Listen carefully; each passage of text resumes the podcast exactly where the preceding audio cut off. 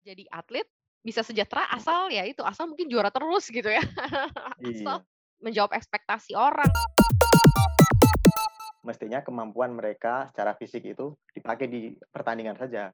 Tetapi untuk survive di pertandingan yang lebih besar yakni kehidupan, ya melek investasinya juga harus jalan. Ternyata atlet itu jadi PNS itu pegawai kontrak. Oh ya? Bukan, bukan PNS yang dapat pensiun.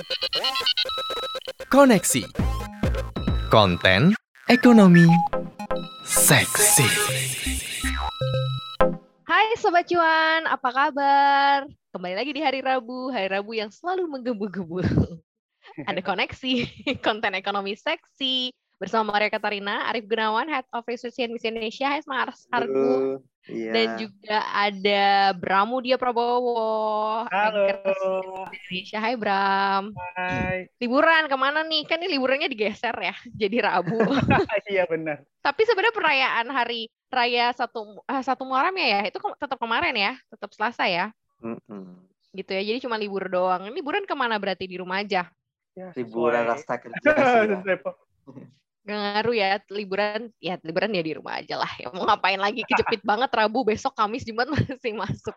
Nah karena berhubung lagi libur nih, koneksi kan tetap hadir nih menemani Sobat Cuan. Tapi kita nggak mau bahas yang ribet-ribet. Gue lagi mau bahas soal 5 miliar. Kalau punya 5 miliar, lu beli apa gitu ya? Kayak 5, 5 miliar tuh kayak makmur ya kalau di Indonesia ya. Lumayan loh, bisa tinggal di Jakarta.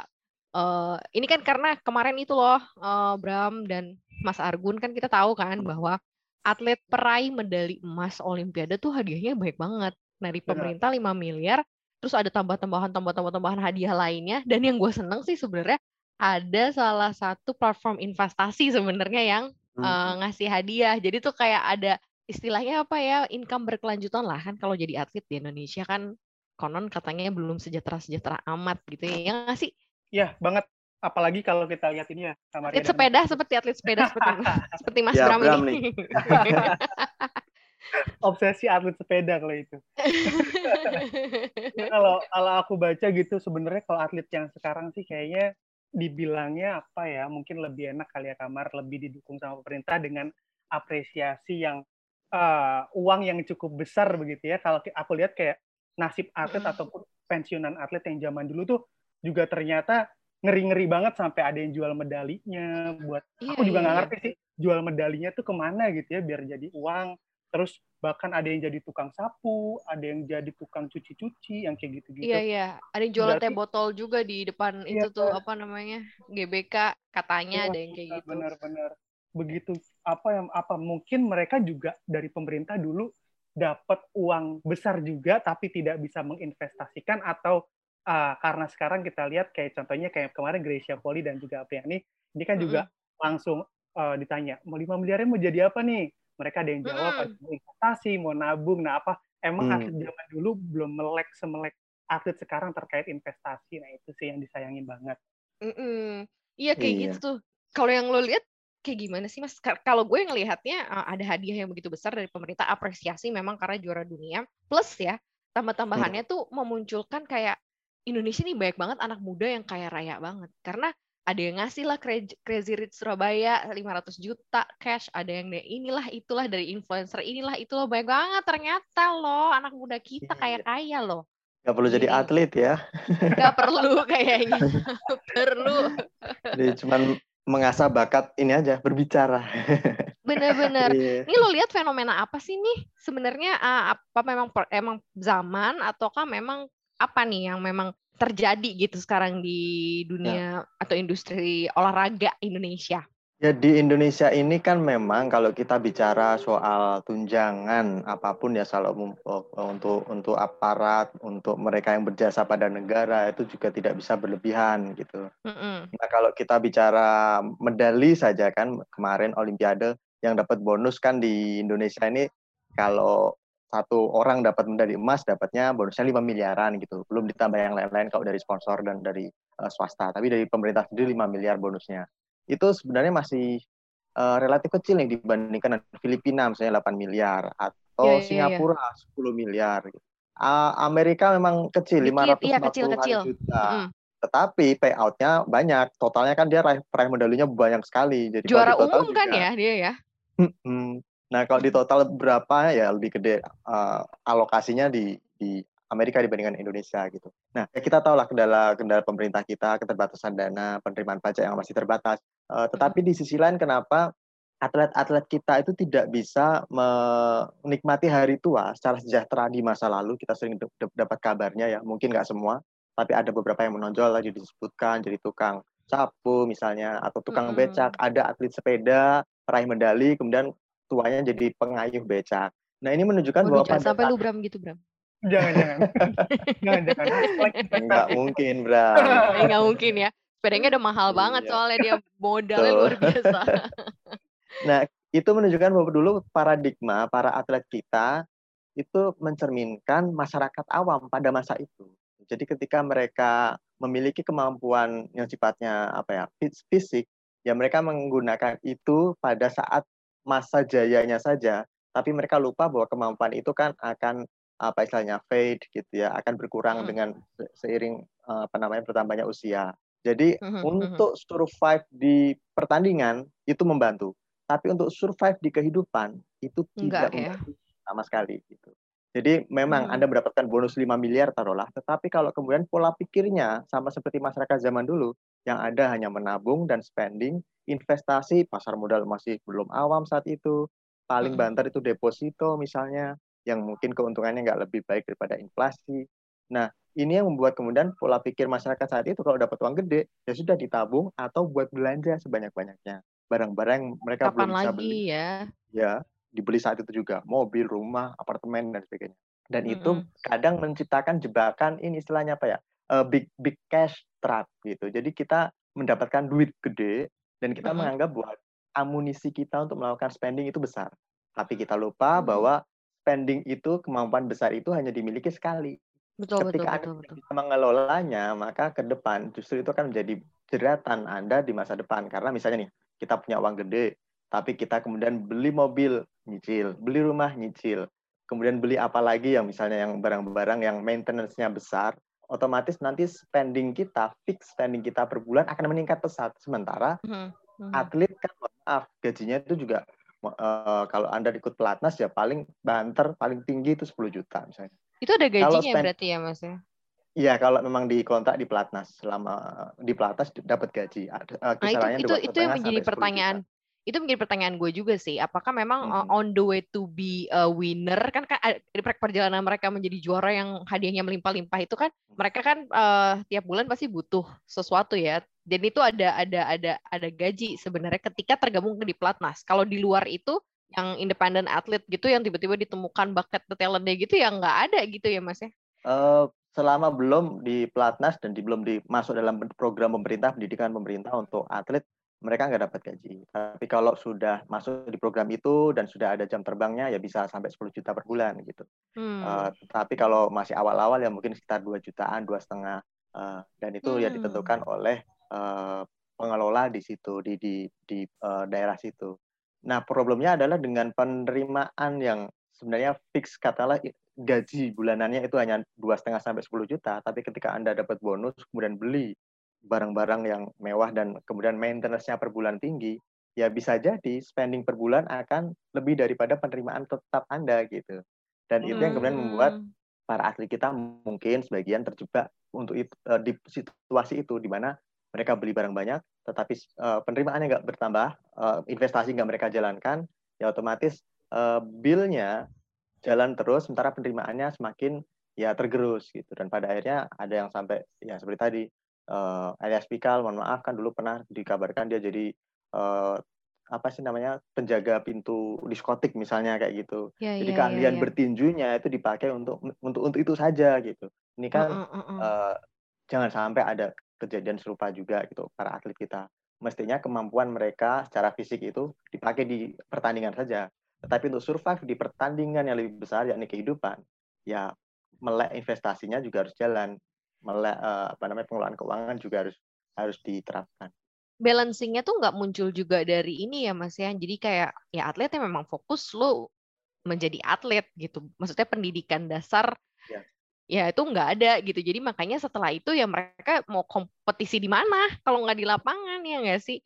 Betul. Jadi makanya tun- tuntutan ke belakangnya tuh ya adalah ketika eh, jadi atlet bisa sejahtera asal ya itu asal mungkin juara terus gitu ya. asal Iya. Menjawab ekspektasi orang atau seperti apa. Jadi karena memang dari tingkat kesejahteraannya dalam tanda kutip belum ada yang cukup bisa me- menjamin gitu nggak sih? Iya. Kalau nih, kalau dari teman-temanku ya kamar yang sebagian Mhm. juga atlet sepeda kayak Atlet gitu, ya.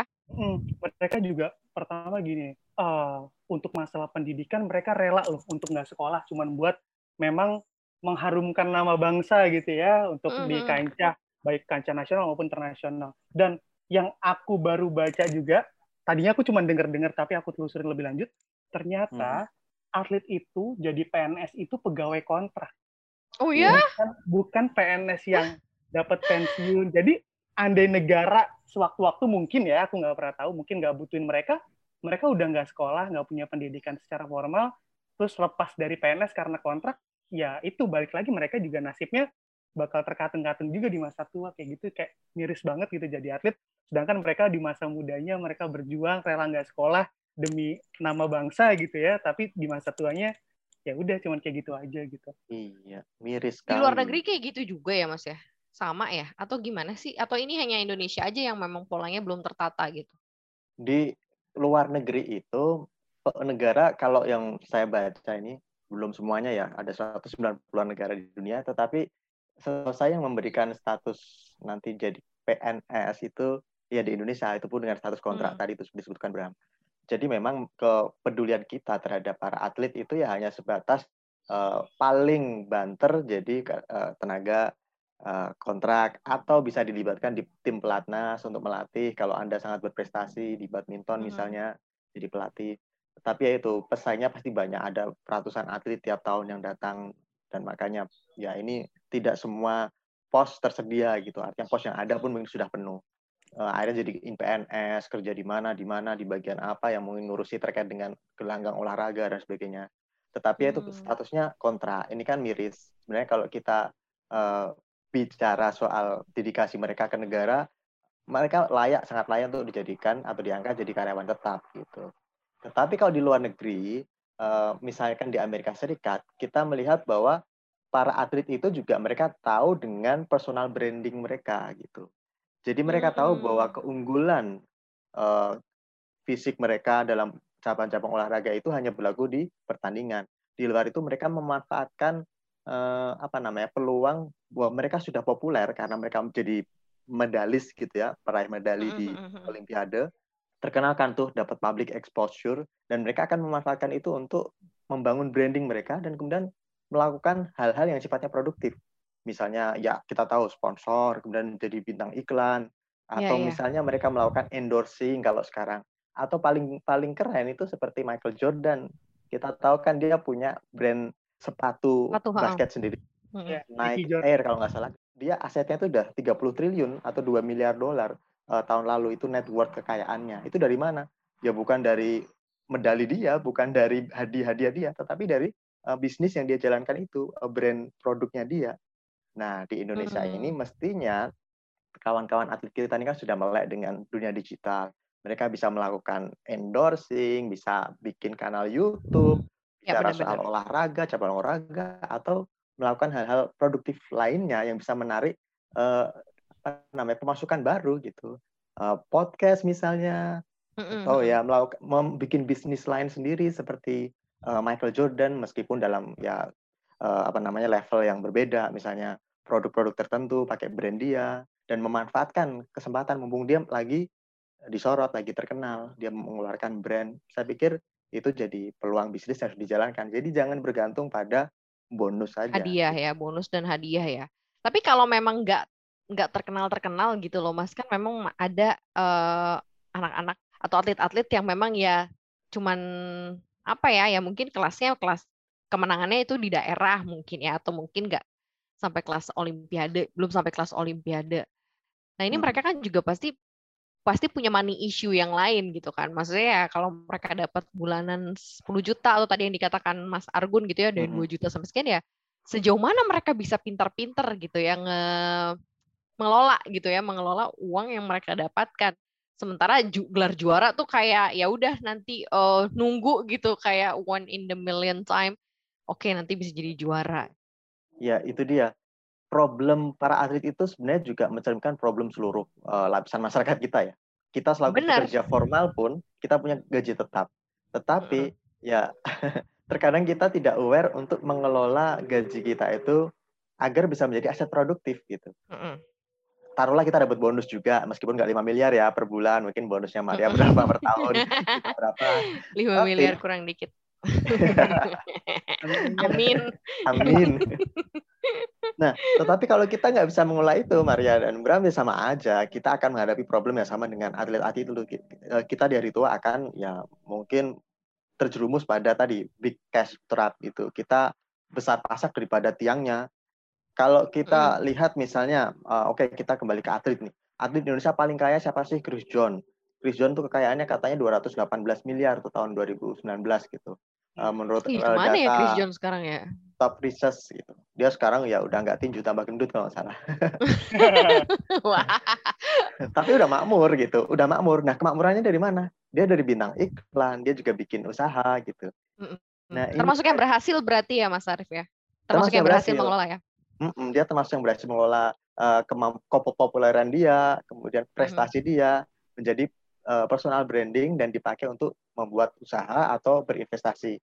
Kita juga kita juga udah punya gaji misalnya, tapi kalau kita nggak mempertimbangkan side uh, income, ya mungkin ya kita akan gini-gini saja gitu. Hari tua mm-hmm. mungkin kita akan menjadi bagian dari apa nih generasi sandwich gitu yang ya. yang bergantung pada ya uh, generasi selanjutnya untuk untuk untuk sejahtera. Nah, jangan-jangan seperti itu juga. Gitu. Artinya memang problem yang dihadapi oleh atlet itu juga sebenarnya kita hadapi saat ini juga gitu, di, di seluruh. Sama tapi, ya. Tapi Mas Argun, misalnya kan memang pemerintah kasih apresiasi sebanyak 5 miliar. Tapi kenyataannya kita juga banyak nemuin hal-hal yang banyak atlet yang nggak bisa uh, ngolah uangnya, mm -hmm. ada yang shock dapat uang banyak terus jadi menghambur-hamburkan. Sebenarnya uh, apresiasi dari pemerintah segede itu itu sebenarnya uh, bagus nggak sih apa sebenarnya ada solusi lain kayak contohnya pemerintah uh, bikin tabungan atlet atau apa untuk masa hari uh, untuk hari tuanya atlet atau gimana Mas Argun? Jadi nggak selalu melulu cash gitu ya Bram? Ya, benar benar benar. Jadi mungkin ya. di, dikonversi jadi apa gitu, apa namanya SBN atau apa gitu, Mas Argun. ya kalau di kita itu paling ideal memang ada endowment fund, dana abadi istilahnya itu kan bisa dibikin oleh misalnya BUMN BUMN sekuritas, Bahana sekuritas, Mandiri sekuritas, uh, atau ya dana reksa gitu kan. Mereka udah mudah digabungkan gitu. Nah, ini bisa bikin endowment fund untuk men mendukung uh, para atlet ketika mereka di hari tua. Ya konteksnya sama seperti kita beli reksadana. Mereka akan mendapatkan uh, sekian unit dan itu reksadana juga dikelola oleh mereka, oleh para pengelola dana ini, fund manager ini nanti hasilnya dibagikan ke uh, para pemegangnya termasuk ya para atlet itu tadi. Nah, hmm. skema ini saya pikir yang mungkin bisa dijalankan dan sekarang endowment fund juga banyak kok dijalankan ada dana abadi untuk UI misalnya, untuk yeah, ITB yeah. misalnya. Ya, hasil keuntungannya buat, buat itu buat membiayai hmm. ITB dan UI. Nah, hal serupa sebenarnya juga bisa. Nah, kalau kita mau apakah bisa lebih dari itu misalnya pemerintah memberikan bond misalnya tadi ke usulan Bram atau ide Bram saya pikir agak susah karena pemerintah hmm. sendiri itu mengeluarkan obligasi itu bukan untuk uh, voluntary ini ya uh, purpose gitu tapi okay. untuk untuk social purpose bukan. Tapi karena emang ya, butuh bener, duit butuh duit nih. Ya, bener, oh, kalau gitu bisa. kalau gitu kalau dari 5 miliar satu miliar lah dikonversi jadi uh, saham apa BCA yang memberikan iya, dividen ya, itu ya lumayan kali mas. Ya nggak sih? Satu ya, miliar tapi, dividennya. Ya tapi skemanya seperti apa gitu. Mungkin memang idealnya pemerintah bekerja sama dengan fund manager tadi dan sebagian bonus tadi misalnya 5 miliar untuk satu peraih medali emas itu 20 persennya itu wajib dimasukkan ke perusahaan sekuritas tadi untuk dikelola. Harapannya ya dengan adanya seperlima dana bonus itu yang dimasukkan ke pasar modal, uh, ya ada semacam caution gitu kalau ada kegagalan apa namanya pengelolaan dana 5 miliar itu oleh oleh para atlet itu gitu. Mm -hmm. Jadi minimal masih ada 20 persennya yang uh, sustainable gitu. Saya pikir Mhm. ide itu perlu dijalankan oleh pemerintah, meskipun mungkin para atlet sendiri juga berpikir ah biar saya sendiri yang ngelolanya. Tapi ya Atau mau memang dititipin trading tuh sama Bram mungkin bisa. boleh boleh Lumayan Bram gede soalnya Bram sekali Iya. masuk. benar scouting aja udah langsung rasa gitu ya kamar ya main lima miliar Waduh ngayalnya ke mana-mana. Tapi memang uh, pengelolaan uh, uang atau mungkin uh, jadi atlet biar sejahtera di Indonesia tuh memang masih masih apa ya masih on progress kali ya Mas Argun ya. Karena ya kayak sekarang i banyak banget loh orang tua orang tua sekarang tuh yang jarang banget bahkan mendukung anaknya bukan mendukung ya ke- uh, menjadikan atlet itu sebagai list profesi. Mungkin enggak kali ya. kalau dulu mungkin iya. Kalau sekarang enggak gitu. Kamu jadi apa? Ntar gede. Jarang banget ada yang mau jadi pemain bulu tangkis atau mau jadi perenang atau mau jadi apa? Pasti enggak gitu. Karena karena tahu bahwa akan susah gitu. Atau mungkin kalau mau jadi pemain basket ya pemain basket yang sekali ber eh, kelas dunia gitu baru akan terasa. Ya ini terkait dengan industri olahraga gitu. Jadi ketika industri olahraganya belum berkembang, maka minat eh, masyarakat untuk menjadikan cabang olahraga itu sebagai eh, apa namanya profesi itu ya semakin eh, kecil peluangnya.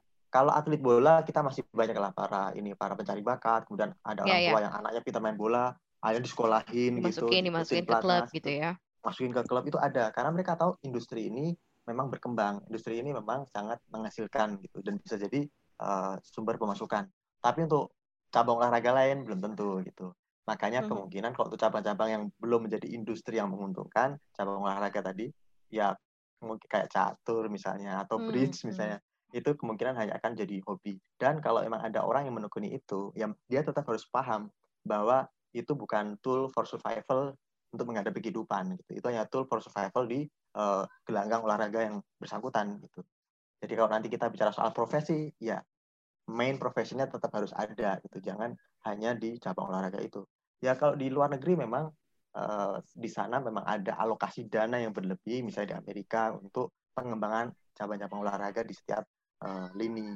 Dan itu Hmm. membuat orang yang ada di situ ya mendapatkan stipend atau ya itu kayak semacam gaji itu atau atau ya ya gaji lah gitu itu lebih lebih beradab dibandingkan di Indonesia yang hanya 2 jutaan atau maksimal karena 10 yang diukur kan lah niatnya kan kontribusi terhadap eh, dirinya untuk mengharumkan nama untuk mengharumkan nama negara gitu kan jadi makanya ada nilai yang layak yang bisa diterima gitu mas Betul, betul. Nah, di Indonesia ini yang sebenarnya kalau dari sisi pemerintah banyak yang harus dibenahi untuk pembinaan eh, atlet dan baik pra maupun pasca eh, kegemilangan mereka gitu. Nah, di sisi lain ya memang kita di se- se- sementara kita menunggu pemerintah berbenah, ya para atlet juga harus paham bahwa sekarang melek melek investasi dan melek pengelolaan keuangan itu bukan hanya tugasnya fund manager atau orang-orang yang eh, bergelut di bidang ini di bidang investasi. Semua masyarakat harus paham gitu. Termasuk bahwa Mhm. pemahaman bahwa uang itu itu seperti bensin gitu. Jadi kalau anda mendapatkan bensin lima lima kargo atau lima kontainer truk gitu kan gede banget banyak banget ya itu akan menguap kalau nggak anda pakai gitu. Sama seperti uang. Uang kalau hanya simpan di di bank apalagi di, di balik bantal ya akan kehilangan nilainya digerus oleh inflasi Nah, Mhm. memang harus dipakai eh, bensin itu untuk memutar mesin yang produktif agar bisa menghasilkan keuntungan buat eh, pribadi tersebut. Jangan dipakai untuk ya tamasya muter-muter keliling keliling dunia pakai kapal pesiar bensinnya gitu ya. Artinya kebakar semua nggak ada sisanya gitu. Jadi ya memang hal-hal dasar seperti ini harus mulai di, ditekankan ke, ke semua atlet kita dan ya termasuk kita kita juga sobat cuan juga gitu sekecil apa pun bonus yang Anda miliki atau penghasilan yang Anda miliki, ya kita harus siap-siap untuk melek bahwa pengeluaran keuangan itu penting.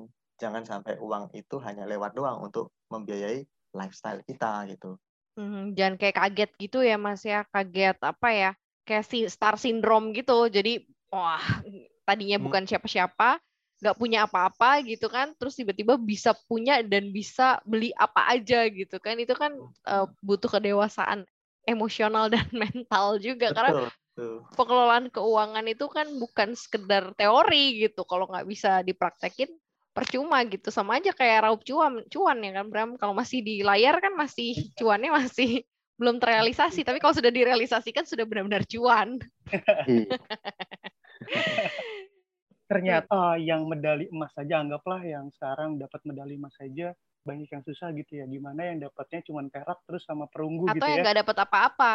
Nah dia berjuangnya uh, aku rasa mereka berjuangnya pun sama gitu mati-matiannya. Mm-mm. tapi uh, hasil kan kita nggak ada yang pernah tahu. Nah itu makanya yang dapat 5 miliar aja belum tentu bisa mengelolanya. Apalagi yang lebih kecil dan yang lebih kecil dan Iya, mereka pun iya. berjuang sama. Nah itu yang uh, perlu diperhatikan juga kali ya Ini kan angkanya Iya. lumayan ya, 5 miliar untuk gold medals, terus silver medals dapat 2 miliar ya kalau nggak salah ya. Terus yang bronze medal dapat 1 miliar. Sebenarnya ini kalau dilihat dari angka-angkanya sih sebenarnya lumayan besar nih. Nah, tapi ya itu tadi benar kata Bram, bagaimana nasib yang tidak membawa pulang apa-apa. Nah, ini seperti akan seperti apa nantinya eh, rekam jejak hadiah untuk atlet-atlet kita. Ya. Apakah ini juga nanti ke depan akan lebih gede lagi atau akan lebih seperti apa lagi nih Mas dengan apa yang diberikan saat ini. Berarti kan pemerintah kayak punya sweetener dong ayo jadi atlet nanti kalau juara internasional hadiahnya bisa luar biasa gitu.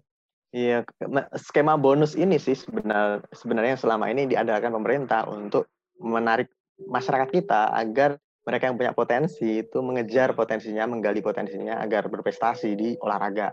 Eh, itu saja yang di- diberikan. Dan kalau kita mau eh, bicara pembenahan, memang ya harus sampai di level daerah gitu. Bahkan di daerah-daerah ini itu harus dibudayakan agar tercipta industri olahraga di semua cabang gitu. Tapi budget Dulu khusus saya- nggak ada ya Mas ya kalau di APBD gitu Di- ya? Di APBD ada tetapi sangat kecil sekali gitu. Minimal Hmm. kalau kita bicara persentase itu sampai nggak kelihatan di, di di listnya dia tuh masuk di dinas pemudaan dan olahraga olahraga dan kepemudaan dijadiin satu gitu. Jadi Hmm. ya bukan sesuatu yang yang signifikan besarnya. Dan bayarannya Dan- sering dirapel loh kak Gitu jadi tiga bulan sekali dibayarnya gitu. Astaga. Padahal mereka latihan kan juga butuh biaya kayak contohnya atlet sepeda nggak mungkin kan sepedanya dia eh, nggak rusak rantainya atau Mm-mm, apanya, mm-mm. sedangkan dia dibayarnya kadang dirapel. Nah itu yang perlu jadi perhatian pemerintah Mhm. banget nih buat pemerintah yang dengar. Iya, setuju, setuju. Hmm, Jadi memang kalau kita ingin mengejar prestasi di bidang olahraga di skala, skala internasional, ya kita memang nggak bisa pakai bu- budget skala lokal gitu. Kita harus Iya, benar. setara dengan di eh, negara-negara lain. Kalau Cina itu kan salah satu yang sangat-sangat ambisius tuh untuk ngejar eh, apa namanya prestasi di Olimpiade. Budget mereka di eh, olahraga itu termasuk yang terbesar gitu di di kawasan kita. Kalau nggak salah gitu eh, pada ini eh, ada namanya mereka China Government Expenditure untuk khusus culture sport. Nah, dua dua ini mereka dapat alokasi khusus. Nilainya Hmm. lumayan besar, ada 18 triliun yuan gitu. Wow. Wow. Gila. Tapi itu itu itu ter, ter- ini ya terakumulasi dalam eh, 10 tahun terakhir gitu. Jadi kok Hmm. rata-rata per tahun ya ya kurang lebih 8 berapa sih? Ya sekitar satu seribuan lah, seribuan eh, triliun gitu. Jadi yuan. Jadi itu besar sekali. Dan kita bicara memang skala ya. Skalanya Cina itu kan gede populasinya. Jadi kalau mereka bikin eh, pusat-pusat eh, olahraga di setiap daerah memang akan butuh dana yang besar. Tapi mereka serius untuk meng- mengembangkan itu. Nah, Indonesia apakah akan juga bisa seperti itu? Ya, masih jadi pertanyaan. Perlu diingat Cina itu awal-awal dulu ketika Olimpiade mereka nggak masuk di ini loh, nggak masuk di lima besar, 10 besar mereka susah masuknya. Tapi Hmm. baru kemudian setelah dikembangkan pengembangan-pengembangan ini dengan dana yang besar, baru mereka bisa masuk ke ya runner up di Olimpiade dan langganan di tiga besar. Sekarang udah keren banget juga ya China ya. Iya. Dan, Iya, dan mereka- apa ya? ya di badminton sama kita. Dia dan regenerasinya itu loh regenerasi atlet-atlet barunya yang selalu muncul setiap event-event internasional tuh emang luar biasa banget sih ya. Mudah-mudahan kita bisa mengarah dan menuju ke sana walaupun progresnya mungkin agak ya dibutuhkan effort ya Mas Argun ya ke Iya. depannya. Tapi yang jelas ya thank you ya buat para atlet Indonesia yang sudah berjuang di Olimpiade kemarin, yang dapat emas, yang dapat perak, dapat perunggu, ataupun yang tidak membawa sama sekali itu udah perjuangannya udah sama aja gitu, udah luar biasa juga. Selamat buat teman-teman semua ya. Yang jelas pokoknya Salut. pengelolaan pengelolaan eh, uangnya jangan lupa kalau bingung ya bolehlah datang ke cuap-cuap cuan nanti dikasih tahu diajarin ngelolanya kayak benar, gimana benar. ya kan ada banyak di sini mau mau apa gitu gampang lah nanti kita bisa ngobrol-ngobrol Yang jelas terima kasih juga teman-teman yang udah dengerin koneksi, sobat cuan yang udah dengerin koneksi. Mudah-mudahan ini bisa membawa inspirasi sambil relax-relax di rumah gitu kan, dengerin yang ringan-ringan. Jangan lupa dengerin kita di mana aja, Bram. Bisa dengerin di Spotify, di podcast kita, Mhm. Google Podcast juga ada, di Apple juga ada. Pokoknya kita banyak deh bisa didengar dari mana-mana. Mm-mm, Bener banget. Dan jangan lupa follow akun Instagram kita gampang banget di @cuap underscore cuan dan di YouTube channel kita juga ya di subscribe di cuap-cuap cuan untuk bisa dapat informasi lebih banyak lagi seputar dunia bisnis dan investasi ya boleh aja selancar langsung ke www.cnbcindonesia.com. Thank you ya Mas Argun, Bram, thank you so much ya udah ada di koneksi. Semoga Thank makin you. happy. Terima kasih sobat cuan. Semoga selalu cuan. Maria pamit. Argun pamit. Pramudia pamit. Bye-bye. Best luck untuk semuanya. Dadah. Halo, bye. Bye.